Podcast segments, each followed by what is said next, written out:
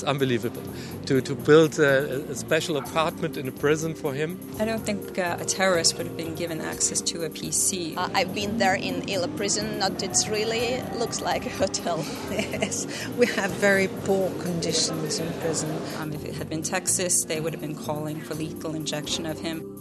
Utenlandske journalister undrer seg over norske soningsforhold. Er vi annerledeslandet der også? Mitt Romney må holde sin livs tale til uka. 50 000 republikanere er klare for avgjørende landsmøte. Latin-Amerika er i ferd med å tape kampen mot narkotikakartellene, mener ekspert. I think so. I mean, uh, unless one adopts a different approach, the drug lords will just become more and more powerful. Dette er noen av sakene i verden på lørdag. Mitt navn er også Marit Befring. Da er det ikke noe mer til behandling. Retten er hevet. Klokka 17.30 i går ble rettsoppgjøret etter 22.07 avsluttet. Den internasjonale oppmerksomheten rundt terrorsaken har vært stor. Finland er et av de landene hvor interessen for denne saken har vært størst pga. en rekke skolemassakre. Og reporter Morten Jentoft i Finland, hvordan omtales den i finske medier i dag? Jo da, det har vært veldig stor interesse som du sier, for, eh, for, denne saken. Og eh, det er lederartikler, kommentarer i uh, finsk media i dag også. Den største og dominerende avisen her borte, Helsingin Sanomat, har både leder- og kommentarartikkel om saken. Her står det at det bekreftes gjennom denne dommen som kom i går, at Breivik er terrorist. Og eh, man skriver også at eh, denne dommen da bekrefter at dette ikke var en tilfeldig handling, men da en gjennomtenkt terrorhandling. Og man er eh, stort sett her også da veldig enig med, med, denne dommen, og at eh, det var riktig da å, å sette terroriststempelet eh, på, på Anders Behring Breivik. Men er de forundret over eh, den måten saken har vært behandlet på? Det som har vært en debatt her i Finland, det er eh, måten pårørende, eh, de som også da var til stede på Utøya og som overlevde, har blitt behandlet i pressen. Fordi at Her i Finland så lar man i stor grad et, et beskyttende lokk over alle som f.eks. var til stede i forbindelse med disse skolemassakrene i Jokkela og Kauajoki. Eh, de har vært lite fremme i pressen. Det var en debatt her borte om dette egentlig var så bra at man på den måten har undertrykt brukt en del av det traumet som disse skolemassakrene i Finland har vært. Og man har trukket fram det som har skjedd i Norge, der det jo har vært veldig veldig stor åpenhet rundt de som da uh, var til stede i forbindelse med det som skjedde på Utøya og i regjeringskvartalet. Sånn at uh, Det har vært en, en, en, debatt i Finland. og I tillegg til det så har det selvfølgelig også her vært en, en uh, veldig stor interesse for denne kommisjonsrapporten og de erfaringene man da kan trekke ut fra det som har skjedd i Norge. Men i går var eh, flere hundre utenlandske pressefolk til stede i Oslo for å dekke domsavsigelsen. De slutter ikke å forundre seg over vårt retts- og fengselsvesen.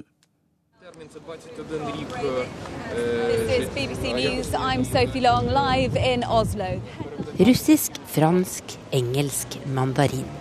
Det snakkes et mylder av språk utenfor Oslo tinghus. Trikken dundrer forbi mens et tyvetalls journalister snakker i mikrofoner og mobiltelefoner. Og midt i mylderet forbereder korrespondent Robert Nisbet fra Sky News sin direkte rapport. Vi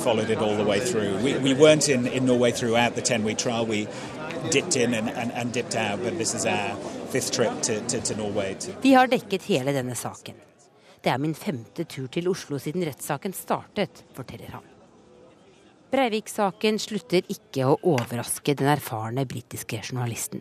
I was just talking live on, on television to one of the people who was caught up in the events of that day, who used his boat to rescue people from the water and, and from Utoya Island.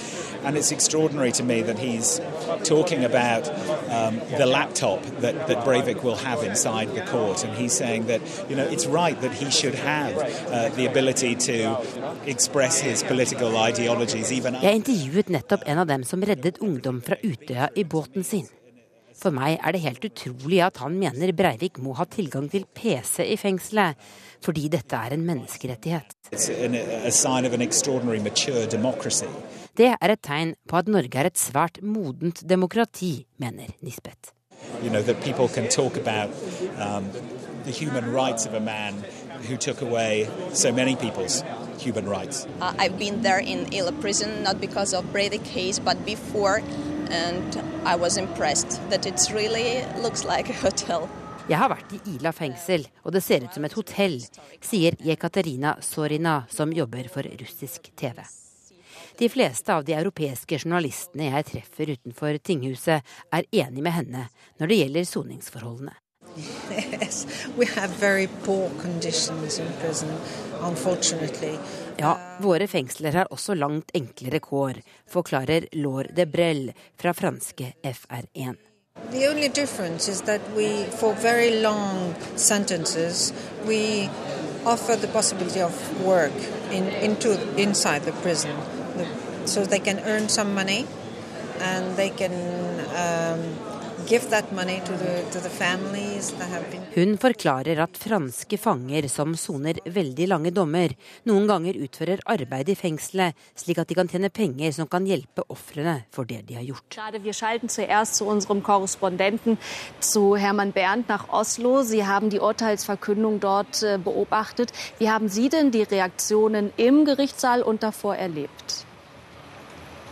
Ja, die Spannung war schon groß hier heute Vormittag in Oslo. Jetzt ist gerade Klokka er tolv, og Skandinavia-korrespondent Herman Bernd forklarer dommen til tyske TV-seere. It's unbelievable to, to pay um, uh, or to build a, a special apartment in a prison for him. Det er utrolig å bygge en egen fengselscelle for denne mannen, sukker Bernd som likevel mener Norge og rettsvesenet vårt har taklet saken på en svært god måte. This terrible thing wonderful, especially in the court. Um, your uh, country, Norway, is now for me a symbol for democracy, for freedom, a lot of it has been focusing on the huge difference between the punishment systems uh, between Norway and, for example, the US. Valeria Krishon, frilanser for flere amerikanske aviser fra Oslo. Og mellom Norge og USA er det en milevid forskjell i straffeprosess og soningsforhold. The sanity case would never have held water. Um, I spoke to a criminal expert in the United States, and he said clearly that Breivik would never have qualified as insane. Til renlighetsspørsmålet ville en amerikansk domstol ikke ha brukt tid på i denne saken, mener Krishan. Um, Texas, I USA ville Breivik utvilsomt ha blitt dømt til døden dersom han hadde utført handlingene sine i en delstat som har slik straff. Og datamaskin på cella? Nei, ikke i USA, forklarer Krishon. I don't think uh, a terrorist would have been given access to a PC. If anything, uh, he would have to be fearing for his life inside a prison if he had murdered uh, 77 people, most of which were in cold blood, uh, teenagers running on an island, uh, defenseless. Reporter utenfor Oslo tinghus var Tove Bjørgaas. Risiko for å bli hevnet i fengselet og i hvert fall ingen PC, det er eh, forholdene i amerikanske fengsler. Kriminolog eh, Thomas Ugelvik, blir vi oppfattet som litt naive og snille der ute? Ja, Det er ingen tvil om at, at enten det er journalister eller menigmann eller andre fengselsforskere som jeg snakker med, så, så er det mye ja, reaksjoner som handler om at det er veldig forskjellig det vi gjør her oppe i nord. Men oppfatter vi oss selv som et uh, foregangsland, eller har vi noe å lære av f.eks. USA? Um, om vi er et foregangsland uh, Det er klart vi har en annen grunnoppfatning uh, av hva straff skal være i Norge, enn det som i veldig stor grad gjelder i mange andre land, også i USA. Hvordan da? Um, det er klart, det er mange forskjellige ulike forståelser, teorier om hva straff er for noe. Er det en rettferdig gjengjeldelse fordi at noen har gjort noe forferdelig? Er det en kommunikasjon til samfunnet om hva eh, man kan og ikke kan gjøre? Er det et forsøk på å endre en person som har gjort noe galt, til å eh, bli et bedre menneske, til å kunne bli en god samfunnsborger etter straffen? Og i Norge i dag så fokuserer vi veldig sterkt på det siste. Mens da i USA så har man også andre tanker rundt dette. Mm. Hva, hva, hva, altså du er med i et uh, internasjonalt uh, nettverk for uh, kriminologer. Hva, sier de om, om straffeforholdene, kanskje spesielt også i denne saken her? Det er mye av det samme som vi hørte på denne reportasjen. ikke sant? Hva slags straffesystem har dere egentlig når dere gir han en treroms leilighet i fri disposisjon i fengsel? Og Så må jeg da justere informasjonen noe og fortelle at det er tre separate celler som eh, han blir låst inn og ut av, og de skal være på forskjellige klokkeslett, så vidt jeg forstår.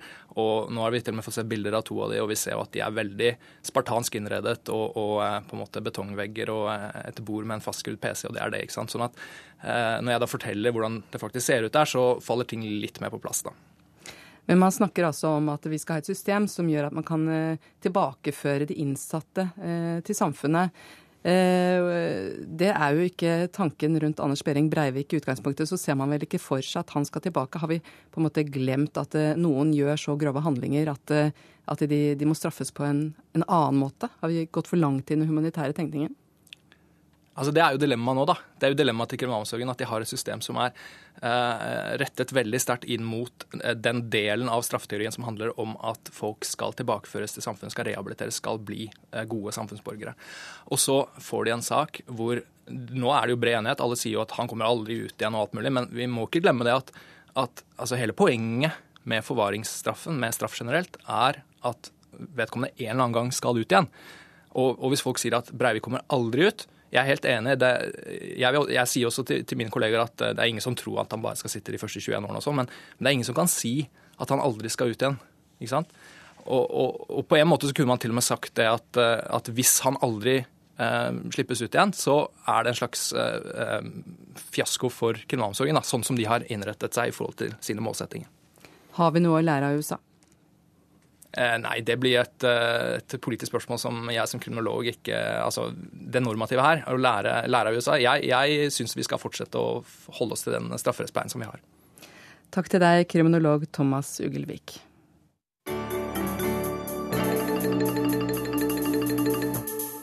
Så til USA. At republikaneren Mitt Romney blir Barack Obamas utfordrer i det amerikanske presidentvalget, har vært klart lenge. Men det er faktisk først i uken at Romney formelt blir valgt til sitt partis presidentkandidat. Det skjer på republikanernes landsmøte, som starter i Pampa i Florida på mandag, med ikke mindre enn 50 000 delegater, mediefolk og partigjester.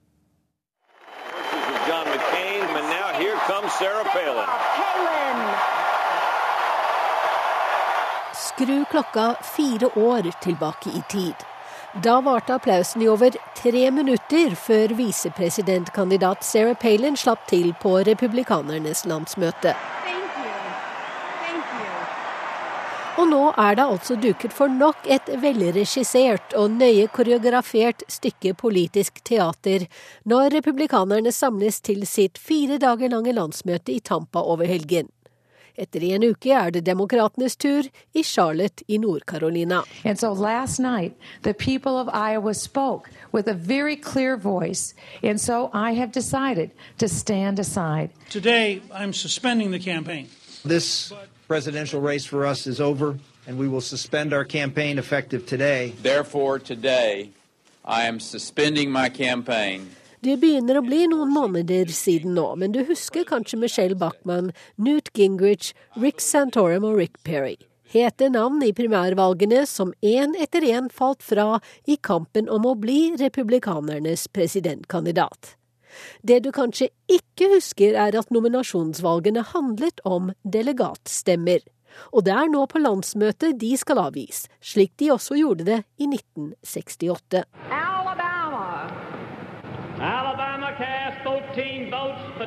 Nixon, 12 votes for Ronald Reagan. I år er det for lengst klart hvem det er som vinner avstemningen. Primærvalgene sikret Mitt Romney over 1500 stemmer, nesten 400 mer enn det han trengte. Og det er veldig lenge siden noen av partiene har hatt et landsmøte med kampvotering. Sist det skjedde, var i 1976, da ingen visste om republikanernes landsmøte ville ende med Gerald Ford eller Ronald Reagan som partiets kandidat. Ford vant. Men talen som Reagan holdt etterpå om den kalde krigen var så sterk at mange i salen skal ha blitt overbevist om at de hadde satset på feil hest. And suddenly it dawned on me, those who would read this letter a hundred years from now will know whether those missiles were fired. They will know whether we met our challenge. Hvem som får lov til å tale på partilandsmøtene er nøye utvalgt. Der er det ingen som spontant får tegne seg på en talerliste. I Tampa står blant mange andre Condoleezza Rice, John McCain og Jeb Bush på programmet, men ikke Sarah Palin denne gangen. En vellykket landsmøtetale kan lansere en politisk karriere. Da denne mannen inntok podiet på Demokratenes landsmøte i 2004, var det nesten ingen som hadde hørt om ham. America, America,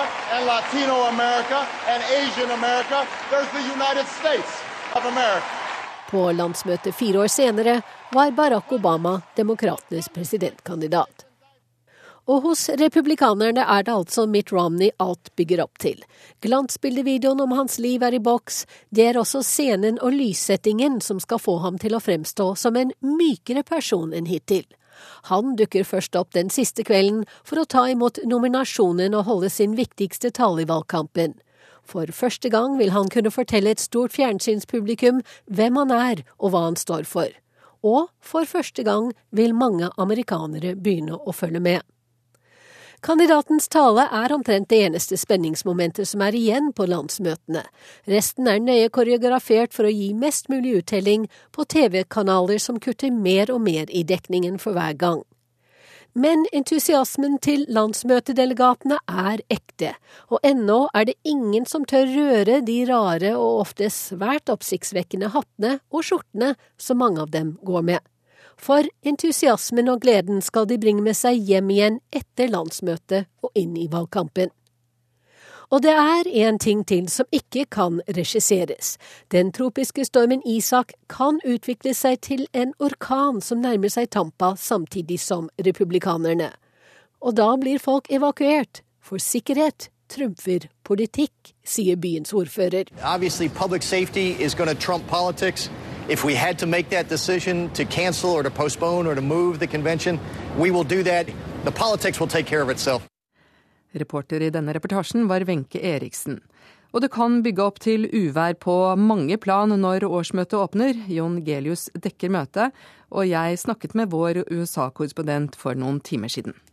Det som eh, knyttes en viss spenning til, er altså en av eh, Obamas eh, tidligere solide støttespillere, og som også var med og ledet hans presidentkampanje for fire år. Han har altså nå hoppet av, Arthur Davis, og han har altså meldt overgang til republikanerne. Og han får altså lov til å være blant en av de håndplukkede talerne første kvelden, mandag kveld, når den store republikanske landsmøtet åpner klokka åtte om kvelden norsk tid. Men en mann som har stjålet mye oppmerksomhet den siste tiden, er eh, kongressrepresentant eh, Todd Aiken. Eh, brygger det opp til strid på landsmøtet om ham? Ja, mye kan tyde på at striden om Aiken eh, kan komme til å utvikle seg til en offentlig dragkamp, nærmest, mellom den sosialkonservative grasrota i republikanske partiet og den mer moderate partiledelsen eh, akkurat under landsmøtet. Eh, vi vet jo at republikanernes presidentkandidat Mitt Romney og en rekke andre topper i partiet de har jo oppfordra Akin til å trekke seg, etter at han altså kom med disse famøse uttalelsene. Han hevdet at voldtatte kvinner sjelden blir gravide. Og nå kan dette komme til å bli et tema, i hvert fall i kulissene på landsmøte. Og hvis det utvikler seg til å bli en åpen splid om dette i det offentlige rom, ja, så kommer dette til å overskygge mye av det republikanske partiet. Han har jo blitt bedt om å trekke seg, og foreløpig så vil han altså ikke trekke seg som kongressrepresentant. Hvem er det ellers som kommer til dette store arrangementet? Ja, Dette er jo et arrangement hvor det gjelder å være til stede og bli sett og ikke minst bli hørt. Eh, partiledelsen har jo på forhånd håndplukket hvem som skal få lov til å snakke. Eh, når de åpner på mandag kveld, så er det bl.a. John Bainer eh, fra Representantenes hus som er en av hovedtalerne. Og sist på den første kvelden så er det presidentkandidatens kone Ann Romney som også skal holde sin tale. Men det som man merker seg, er jo at på dag nummer to så er det jo da eh, visepresidentkandidaten eh, Paul Ryan som vil være det, det viktigste holdt på å si, trekkplasteret for eh, landsmøtet. Men også tidligere utenriksminister Condoleezza Rice og tidligere presidentkandidat John McCain er blant eh, dem som kommer til å tale den andre dagen. Og så avsluttes landsmøtet med Mitt Romneys tale. Hvor viktig blir den? Ja, den talen er det knyttet enorme forventninger til. For det er jo klart at her kommer eh, Mitt Romney eh, til sine egne. Eh, det har vært en kjølig vei for han fram til å bli presidentkandidat. En arbeidsseier. Han må ha måttet jobbet fra delstat til delstat for å sikre seg nok delegatstemmer. Og nå kommer han altså og på en måte skal sette kronen på verket i forhold til å bli deres foretrukne og deres eneste presidentkandidat. Derfor er det mange som er spent på hvilket innhold vil han legge i denne denne talen. Hvordan vil han på en måte fri til alle fløyer i partiet for å være en samlende kandidat? Det har jo ikke vært en voldsom begeistring for Romney i de republikanske kretsene i veien fram mot dette landsmøtet, men fra altså eh, torsdag kveld, når han går på talerstolen og blir klappet inn som deres presidentkandidat, da håper han å slutte rekkene, slik at det blir én solid duell i måneden som kommer mellom ham og president Obama. Vi skal holde oss på det amerikanske kontinentet, for der foregår det også en annen kamp på liv og død. Republikanske Mitt Romney mener den kan vinnes med enda kraftigere militære midler, mens Obama er åpen for å tenke nytt. Latin-Amerika er i ferd med å tape kampen mot narkotikakartellene, frykter en som i over 20 år har kjempet for en annen narkotikapolitikk, Ethan Nedelman. Unless one adopts a different approach, the drug lords will just become more and more powerful. Hvis vi ikke finner en annen tilnærming, vil kartellene bare bli enda mektigere, mener Ethan Nedelman, som er leder for Drug Policy Alliance i USA. Organisasjonen kjemper for å avkriminalisere bruk av narkotika, fordi de mener forbud ikke fører frem. It's based upon a myth that somehow a criminal prohibitionist approach can stop what is essentially a dynamic global commodities market. Det er en myte at forbud kan stanse en vare som er etterspurt. Det er som etterspørsel etter alkohol, sigaretter eller kaffe. So long as millions or tens of millions of people desire something, så lenge millioner av mennesker ønsker noe, vil det være et tilbud, å tro at fengsling og kriminalisering vil hindre det, fører bare til negative konsekvenser, mener han.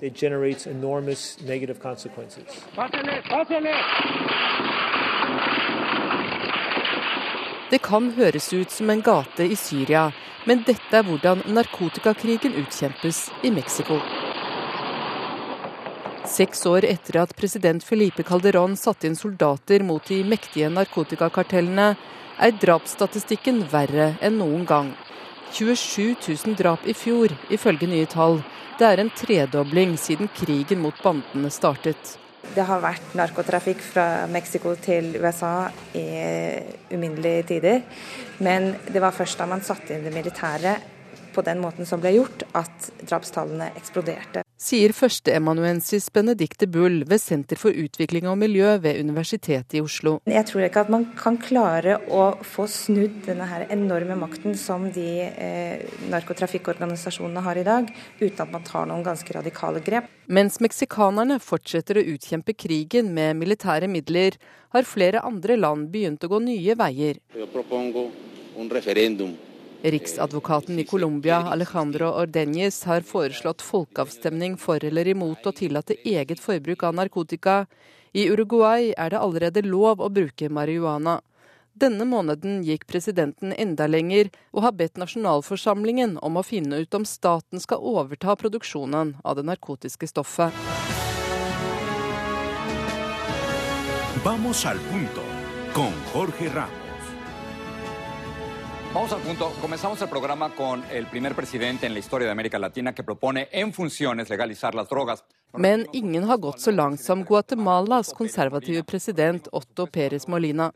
Yo creo que es el momento de hablar de otras cosas, de hablar de otras alternativas, y una alternativa de esos es la despenalización de la droga. Jeg tror vi må snakke om nye løsninger, og én er avkriminalisering av narkotika, sa han i TV-programmet Al Punto.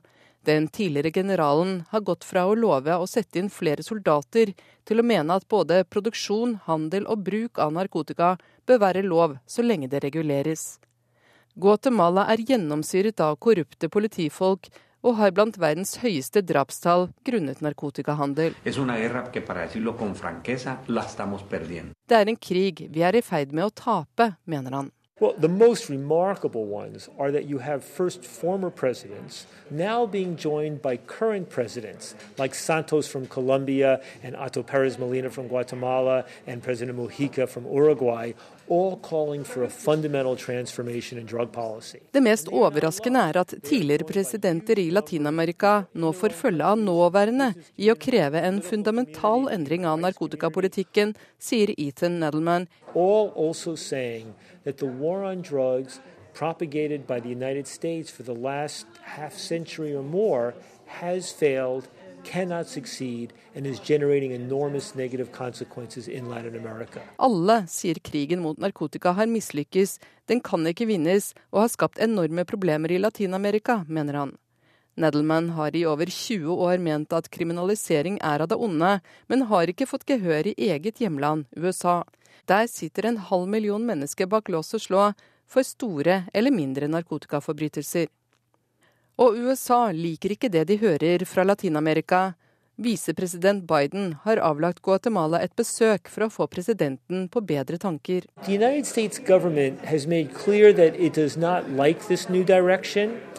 And the U.S. government is making efforts to keep the debate quiet and not too dynamic. Men selv Obama sa under et toppmøte i Colombia i våres at han er villig til å se på alternative veier. examine what works and what doesn't, and to constantly try to refine and ask ourselves is there something we can do to prevent violence, to weaken uh, these drug traffickers? They are not sure what the alternatives are. All they know is that we need to devote the same level of attention and resources to thinking through ways to regulate these markets legally and to reduce the crime, violence, and corruption as we devoted for the last 50 years to trying to eradicate the problem through militaristic and law enforcement means.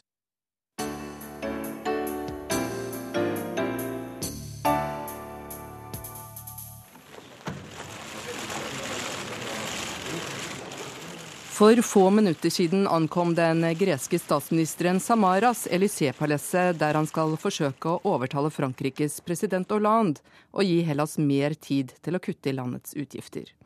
I går hadde han møter med Merkel i Berlin. Den tyske utenriksministeren Guido Westerwelde sier i et intervju med Verden på lørdag at Hellas må rydde i eget hus, og det var også den klare beskjeden han fikk fra Merkel.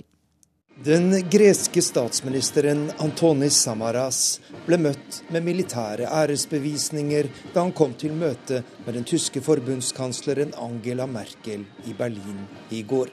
Samaras ønsker mer tid på å sette i verk de nye, harde sparetiltakene som EU krever, men får ingen løfter fra tyskerne. Det er for tidlig å avgjøre grekernes skjebne som euroland, sier den tyske utenriksministeren Guido Westerwelle, som nå er på besøk i Norge. Vi werden abwarten müssen, bevor wir unser Urteil fällen. Vi må vente med å ta en beslutning inntil den såkalte troikaen fra EU-kommisjonen, Den europeiske sentralbank og Det internasjonale pengefondet legger frem sin rapport i neste måned. Troikaens eksperter har nylig vært i Hellas og gjort grundige undersøkelser for å kunne fastslå om grekerne er i rute med sine reformer. Og først når vi kjenner fakta, kan vi vurdere om landet har en fremtid i eurosonen, sier den tyske utenriksministeren. Men hvordan vurderer han situasjonen i det kriserammede Hellas? Vi har großes Mitgefühl und auch große Solidarität mit den ganz normalen Menschen, mit den Familien. Vi har stor medfølelse og føler sterk solidaritet med vanlige folk, med vanlige familier i Hellas. De gjennomgår nå en tung tid, sier den tyske utenriksministeren. Men vi mener at det ikke er mulig å gjøre vesentlige endringer i de reformene og nedskjæringene vi har krevd av grekerne. Hellas og andre europeiske land kan bare komme ut av sin dype krise ved å skape mer effektive samfunn og bekjempe byråkrati og korrupsjon. Vekst skapes ikke ved å ta opp gjeld, men ved å bedre sin konkurranseevne, sier Tysklands utenriksminister Guido Westerwelle. Voldsomme demonstrasjoner i hovedstaden Aten forteller sitt tydelige språk om grekernes frustrasjon over EUs spareprogram. De siste fire årene har Hellas opplevd et fall i økonomien på hele 20% og stadig flere europeiske politikere har de siste månedene tatt til orde for en politisk kursendring der det legges større vekt på vekst og arbeidsplasser. Hvordan ser den tyske utenriksministeren på dette? Man kan nur verteilen, was man vorher erwirtschaftet hat. Und deswegen geht es auch Man kan bare fordele det man har tjent. Det handler ikke om å kaste penger etter problemene, men om å bruke pengene mer fornuftig. Investering i utdanning er noe av det mest fornuftige vi kan gjøre for å styrke Europa for fremtiden. Men det tar tid før resultatene kommer, og jeg ser at det er akutte problemer i Hellas og andre land som må løses nå. Vi må hindre et sosialt sammenbrudd, og her er Tyskland innstilt på å hjelpe. Vi har allerede vedtatt store garantier for Hellas og andre kriseland for å skape arbeidsplasser og dempe den sosiale nøden, sier den tyske utenriksministeren Guido Westerwelle til Verden på lørdag.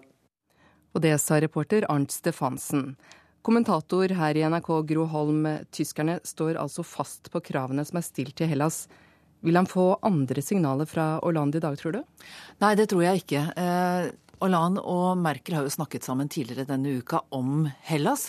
Eh, og det er ingenting som tyder på at Hollande eh, vil gå tilbake f.eks. på dette kravet om at kuttene skal tas eh, i løpet av de to neste årene, altså at de ikke får forlengelse. Hadde Samaras ventet noe annet da han innledet denne frierferden rundt omkring i de europeiske landene? Jeg tror han var veldig klar over hvor landet ligger. Og det har jo til og med kommet flere signaler fra tyske politikere bl.a. Eh, om at eh, de skal klare seg i eurosonen uten Hellas. Så bare pass dere, liksom. Dere, dere, må komme med og tilfredsstille de kravene som vi har satt tidligere. Jeg tror han visste veldig godt om dette her, men, men denne runden er jo også en runde han må ta av hensyn til egne velgere. Han leder en trepartikoalisjon som er eh, ganske ny ved makten. Eh, og, og dette er noe han må gjøre for å vise sine egne velgere at han faktisk eh, forsøker. Ja, Hva er det Samara sin koalisjonsregjering vil gjøre som ikke forgjengerne har gjort for å redde gresk økonomi? Ja, det, han, det, som skiller han politisk, er kanskje han leder jo da en Høyre-sentrumskoalisjon. Det at han legger veldig stor vekt på at han vil gjennomføre privatiseringen. Han sier at han vil eh, klare å reise 15 milliarder euro eh, innen 2015. Eh, og det skal da være med på å finansiere betjeningen av lånene, og selvfølgelig også eh, driften av den greske økonomien. Samaras har altså ikke fått eh, for lenge tid til å kutte disse utgiftene. Hva tror du er grunnen til det? Det er, eh, De venter jo på denne rapporten fra troikaen som kommer i slutten av september. Eh, grunnen er jo at han har ikke enda vist at han er mannen som kan lede en regjering som faktisk kan gjennomføre de kuttene som eh, Hellas må gjennomføre for å klare dette her. Altså Han har ikke opparbeidet seg en tillit som eh, er stor nok til at eh, Angela Merkel og Hollande kan, kan gå med på noen form for utsettelse. Jeg tror ikke det er utelukket at de lenger ut i løpet kan få en viss utsettelse, men da må de først ha vist at det er på god vei. Ja, Som du sa, i neste måned så kommer denne granskingsrapporten som vil avsløre om Hellas har klart å kutte. Eh, blir det et vinn eller forsvinn for Hellas, tror du? Ja, altså Hvis ikke de eh, tilfredsstiller troikans krav, så vil de ikke få utbetalt eh, den, neste store, den, neste store, delen av lånet som de jo har fått innvilget allerede. Da, da, får de rett og slett ikke mer av krisepakka, og da kan de ikke betale regningene sine. Det er allerede slik at Hellas lar være å betale en masse offentlige regninger for å kunne betale pensjoner og lønn til befolkningen. Og hvis ikke de får disse vel 30 milliardene, som er neste del, så, så er de i praksis konkurs. Og da er det eneste alternativet, mener mange, å forlate euroen. Og med de der signalene som kommer nå om at eurosonen skal klare seg uten Hellas, så er det klart at presset øker på å få dette til. Men selv om Hellas skulle forsvinne ut, så betyr det vel ikke nødvendigvis altså Nå har det på en måte stemningen snudd når det gjelder de andre eurolandene som også er kriserammet. En viss optimisme ser man her. Ja, en viss optimisme. Det er jo mer vent og se. Altså Spania er jo i gang med sine reformer, og eh, der får bankene direkte støtte fra Den europeiske sentralbanken. Eh, regjeringen har så langt ikke bedt om eh, krisepakke, men har varslet at den kanskje kan komme til å gjøre det. Men det er, det er jo ting som tyder på at alle disse landene de klarer å kutte importen. De, de opprettholder en viss eksport selv innenfor eurosonen. Eh, men om dette er nok til at det kan redde eurosonen, ja det er altfor tidlig å si. Takk til deg, kommentator Gro Holm. Vi skal eh, fortsette å snakke om økonomisk krise, men videre til Kina. For der mener en eh, hollandsk økonom at det var Kina som skapte finanskrisen i 2008, og ikke USA. Vår Asia-korrespondent Anders Magnus har møtt henne. Finanskrisen i 2008 truet med å rive verden av hengslene, og gjør det fortsatt gjennom sin forlengelse, eurokrisen. Men ett lyspunkt var det. Vi kunne legge skylden for elendigheten på grådige og uansvarlige bankdirektører i USA. De fikset og trikset med folks boliglån og blandet dem opp med råtten gjeld fra folk som aldri kom til å betale.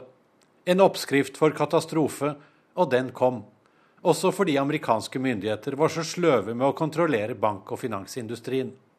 Nei, det var ikke slik, sier hollandske Helen Mees. Gjennom sin doktorgradsforskning fant hun ut at under 8% av alle banklån i USA før finanskrisen var blandet så oppfinnsomt opp med råtten gjeld, så det kunne ikke forklare krisen.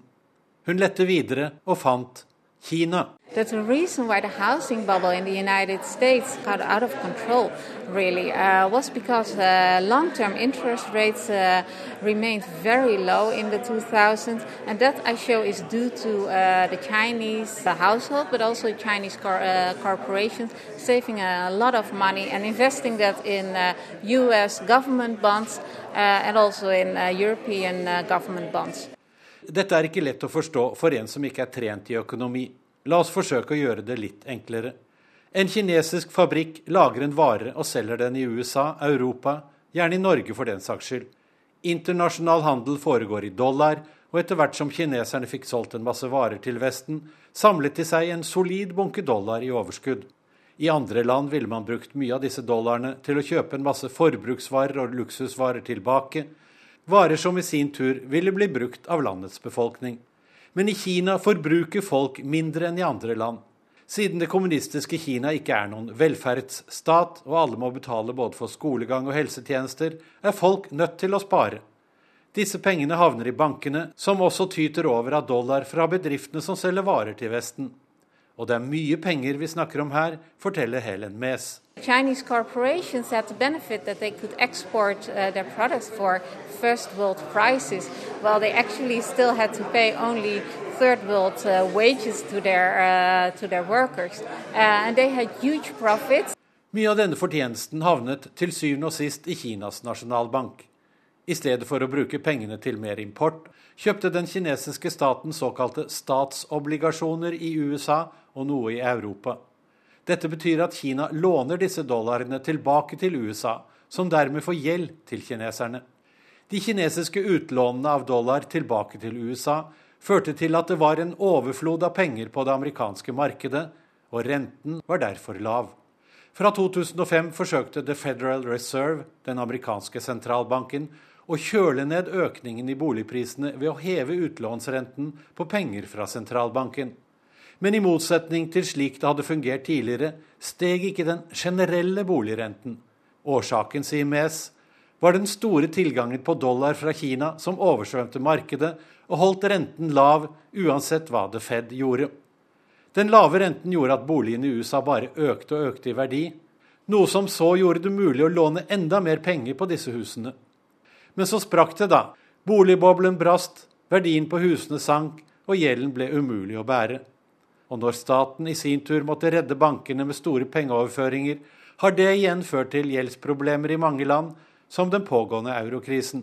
Det USA nå må konsentrere seg om, er å komme tilbake med nye, gode produkter som andre land, og særlig Kina, vil kjøpe. For det nytter ikke å forbruke seg ut av krisen.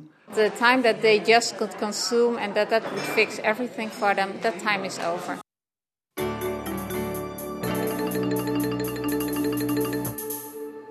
I forrige uke døde Winnie Johnson, 78 år gammel. Størsteparten av sitt liv brukte hun til å forsøke å finne liket av sønnen Keith Bennett, som ble drept i juni 1964, bare tolv år gammel. Han var et av de fem ofrene til et kjærestepar som bortførte barn og unge, misbrukte og drepte dem. De ble kalt mordene på Heaton. They found the others, but they didn't find Keith. And that is a main asset for me. I want him found. 78 år gamle Vinnie Johnson for bare noen uker siden. Hun forteller om hvordan de fant fire av ofrene etter mordene på Heden utenfor Manchester. Men de fant aldri hennes tolv år gamle sønn Keith. For almost five decades, Winnie Johnson prayed the body of her son Keith Bennett would be found. Utallige er de nyhetsinnslag som er laget om de brutale drapene i de nesten 50 årene som har gått siden de skjedde. Og Winnie Johnson appellerte igjen og igjen til de to morderne, Myra Hindley og Ian Brady navn som har skrevet seg inn med store bokstaver i britisk kriminalhistorie. De to opererte i årene fra 1963 til 1965. Myra, en beinhard jente fra et fattig og voldelig hjem, med platinablondt bleket hår, ildrød munn og utfordrende klær. Ian med en minst like vanskelig bakgrunn, voldelig og med rulleblad. En sadistisk psykopat er bare én av merkelappene han har fått klistret på seg. Myra Hindley lokket til seg ofrene og tok dem med til heden. Ian Brady misbrukte dem seksuelt, drepte dem og begravet dem i det øde landskapet.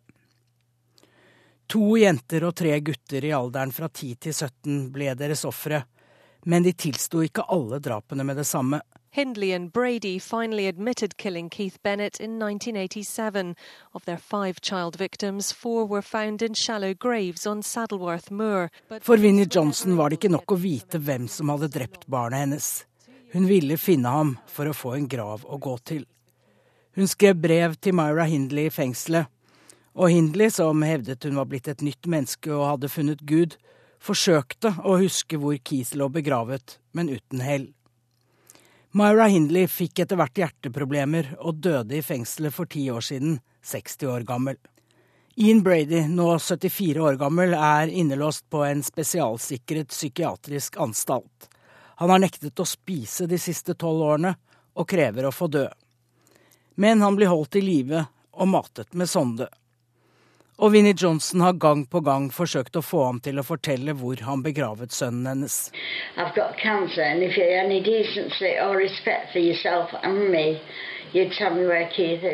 har fått kreft og vet ikke hvor lenge jeg kan leve, sa Vinnie Johnson for kort tid siden.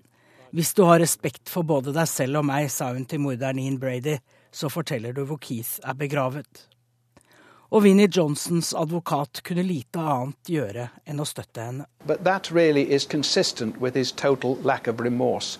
The decent thing he could do at the end of his life, after such a dreadful time for everybody, particularly Winnie Johnson, is to come clean with her now. Det er slik Ian Brady er, totalt uten anger, sier advokaten David Curven til BBC. Hadde han hatt anstendighet, hadde han fortalt henne det hun ønsker å vite, før de begge er borte. Never give up. Never in a month of Sunday. If it takes me to my grave, I'll carry on till then. Jeg gir aldri opp, sa 78 år gamle Vinnie Johnson rett før hun døde. Og nå er det for sent.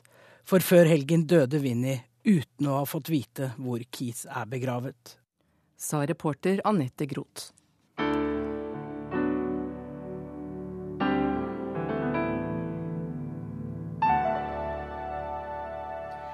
Så til Afrika, og først Cape Town, der ANCs ungdomsliga besluttet å gjøre byen uregjerlig. Med vold og sabotasje skal viktige samfunnsfunksjoner lammes.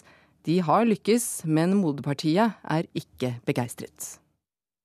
6. august kjørte Sandile Hoko av veien i Kayelicha utenfor Cape Town. Det er den fattigste bydelen, og Sandile var bussjåfør. Bussen var full av folk som skulle hjem fra arbeid, den svingte av fra motorveien, og så sto det en masse ungdommer i veien. De kastet stein, de var rasende, Sandile ante ikke på hvem, men plutselig angrep de bussen hans, smadret vinduene, og i forfjamselsen mistet sjåføren kontrollen. Bussen for av veien og inn i seks skur hvor det bodde folk. Der lå et barn og sov, der sto det noen og så på, Fire drept, en av dem var den vettskremte sjåføren. Dagen etter gikk ungdommene ut på motorveien som går forbi flyplassen like ved, og stanset all trafikk. Hele Cape Town sto stille, og så begynte hærverket. Til nå har kommunen kommet til at det har kostet byen fem millioner kroner. Guvernøren i Western Cape, Helen Sille, sier at det er regjeringspartiets ungdomsorganisasjon ANC Youth League som står bak. Billig retorikk fra ei hvit dame, har ANC svart. Helen Sille leder opposisjonspartiet Den demokratiske alliansen, som har flertall i Cape Town og provinsen rundt. Den eneste hvor ikke ANC har makten i Sør-Afrika. Hun har minnet ANC om at de lokale folkevalgte i flere år har sagt at det skulle gjøre byen uregjerlig. Vi skal bruke vår makt og innflytelse til å sabotere både vedtak og prosedyrer, har de truet med. Byen skal slutte å fungere, vi skal vise dem hvem som har makten.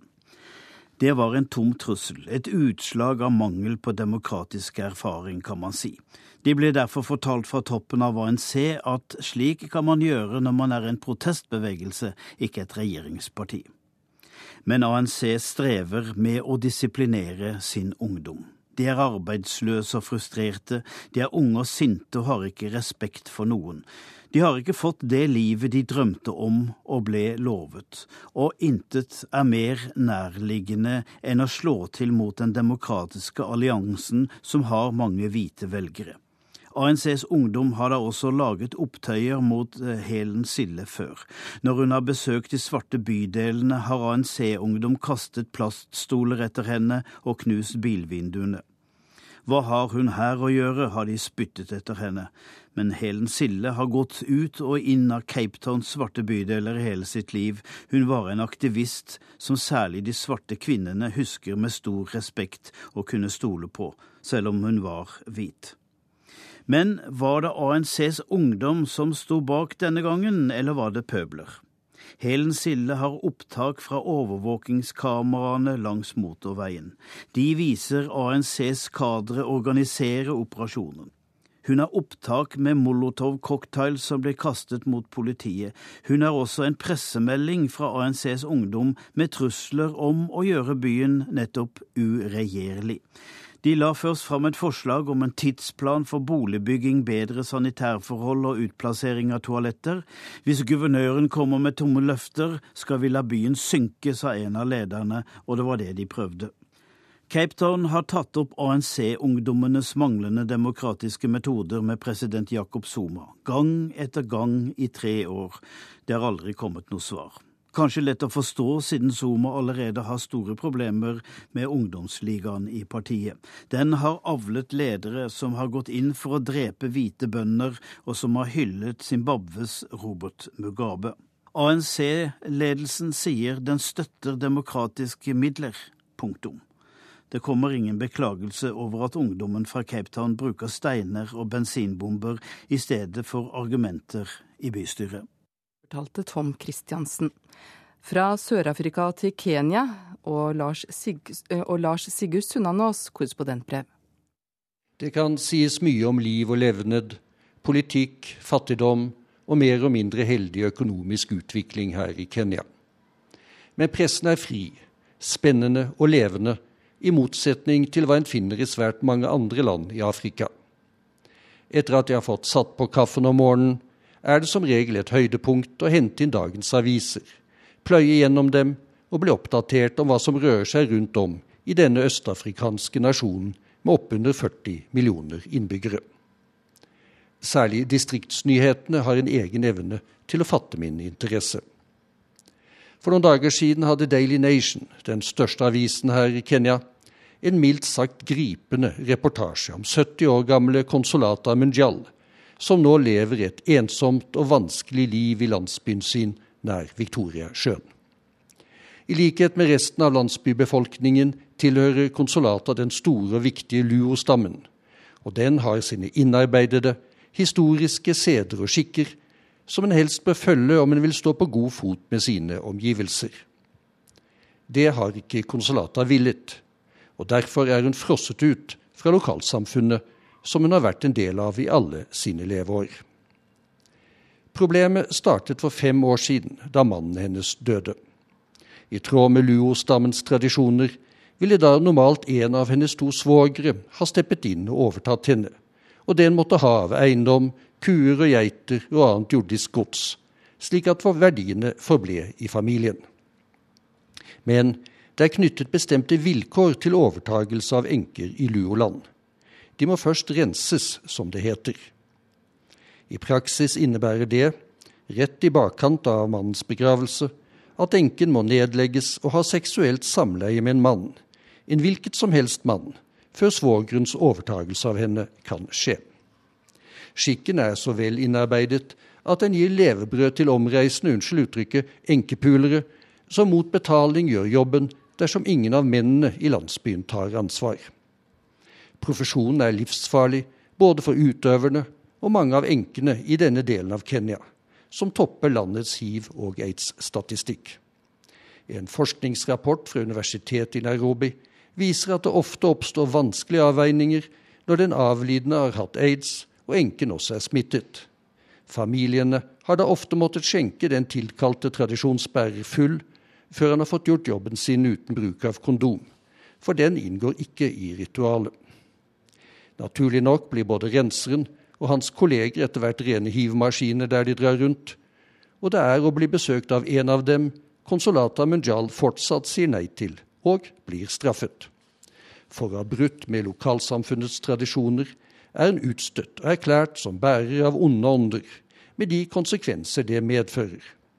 Ifølge reportasjene i Nairobi-avisen tør hun f.eks. ikke selv hente vann i elven som renner gjennom landsbyen. For om hun gjør det, vil ingen andre våge å gå dit etterpå, og da kommer de tilbake for å straffe henne. Konsulatas stråhytte er falt sammen. Hun sover under et mangotre på det lille gårdsbruket sitt, men sønnene hennes tør ikke reparere hytta siden også det kan bringe ulykke over dem og deres familier. Distriktsnyhetene i avisene hver morgen gir i det hele tatt innblikk i både det ene og det andre, og vel så det. Ikke minst domsavsigelser i rettsvesenet rundt om er interessant lesning når frokosten fortæres i min korrespondentleilighet. I går merket jeg meg en drapssak i Nakoro i Rifdalen. Der var en 89-åring tiltalt for å ha klubbet ned og drept en 55 år gammel nabo med et tradisjonelt kenyansk slagvåpen, en runga. De to hadde stått i kø for å hente vann fra en brønn i en av landsbyene i området, da 55-åringen prøvde å snike. 89-åringen var på sin side kommet først i køen, og i den påfølgende krangelen mellom de to hadde altså Rungan kommet frem med dødelig effekt. Dommeren fastslo at her var det skyld på begge sider, og landet på en kamel, en hunnkamel, som bot og straffeutmåling for misgjerningen. Kamelen skulle overleveres til avdødes familie, og ifølge rettsreferatet hoppet 89-åringen i været av glede da dommen falt. Det går ofte greit unna i rettssalen i Kenya, og pressen er alltid på plass. De aller fleste som havner der, enten det skyldes alvorlige forbrytelser eller mindre forseelser, må regne med å få navn og bilde i avisen. Personvernet henger ikke spesielt høyt i kenyanske redaksjoner. For også utenfor rettssalene går det unna i spaltene. Det spares ikke på insinuasjoner og friske fortolkninger av forskjellige hendelser. Pressens faglige utvalg hjemme i Norge vil hatt det travelt på mine trakter, og neppe godkjent en typisk mistenkeliggjøring som kom på frokostbordet mitt med en annen av Kenyas morgenaviser, The Standard. I et stort oppslag kunne avisen fortelle om et parlamentsmedlem som hadde utlyst en slags konkurranse i ærbarhet og lovet både penger og diplomer til unge jomfruer i valgkretsen sin. Hvordan den folkevalgte hadde tenkt å avgjøre hvem som reelt sett kvalifiserte seg til deltakelse, var noe uklart, og av reportasjen, som var utstyrt med bilde av både ham og angivelige jomfruer, gikk det tydelig frem at det nok hersket berettiget tvil om politikerens faktiske motiv for konkurransen. Han var kjent som en skikkelig rundbrenner og glad i unge damer, sto det. Ellers går det knapt en morgen uten at Kenyas undersøkende journalister, og de er dyktige, bretter ut den ene mest utrolige korrupsjonsskandalen etter den andre. Med min norske bakgrunn vet jeg ikke alltid om jeg skal le eller gråte over avsløringene. Den siste gjelder The National Housing Corporation, NHC, Kenyas nasjonale boligselskap. Organisasjonen ble opprettet allerede i 1965, og formålet var da å skaffe kenyanere flest rimelige, subsidierte husvære. Det har den også gjort til en viss grad, men i det siste synes fordelingen av de ettertraktede, subsidierte boligene å ha hatt en viss slagside, for å si det slik. Et nytt utbyggingsprosjekt har funnet sted i en av Nairobis bedre bydeler, og her viser det seg nå at styreformannen for det statlige boligselskapet har sikret seg fem av de 105 enhetene som er ført opp. Administrerende direktør har kvarret til seg fire hus, mens finansdirektøren har ervervet ni. Den juridiske sjefen i foretakene har slått til med 21 boliger og topper dermed listen.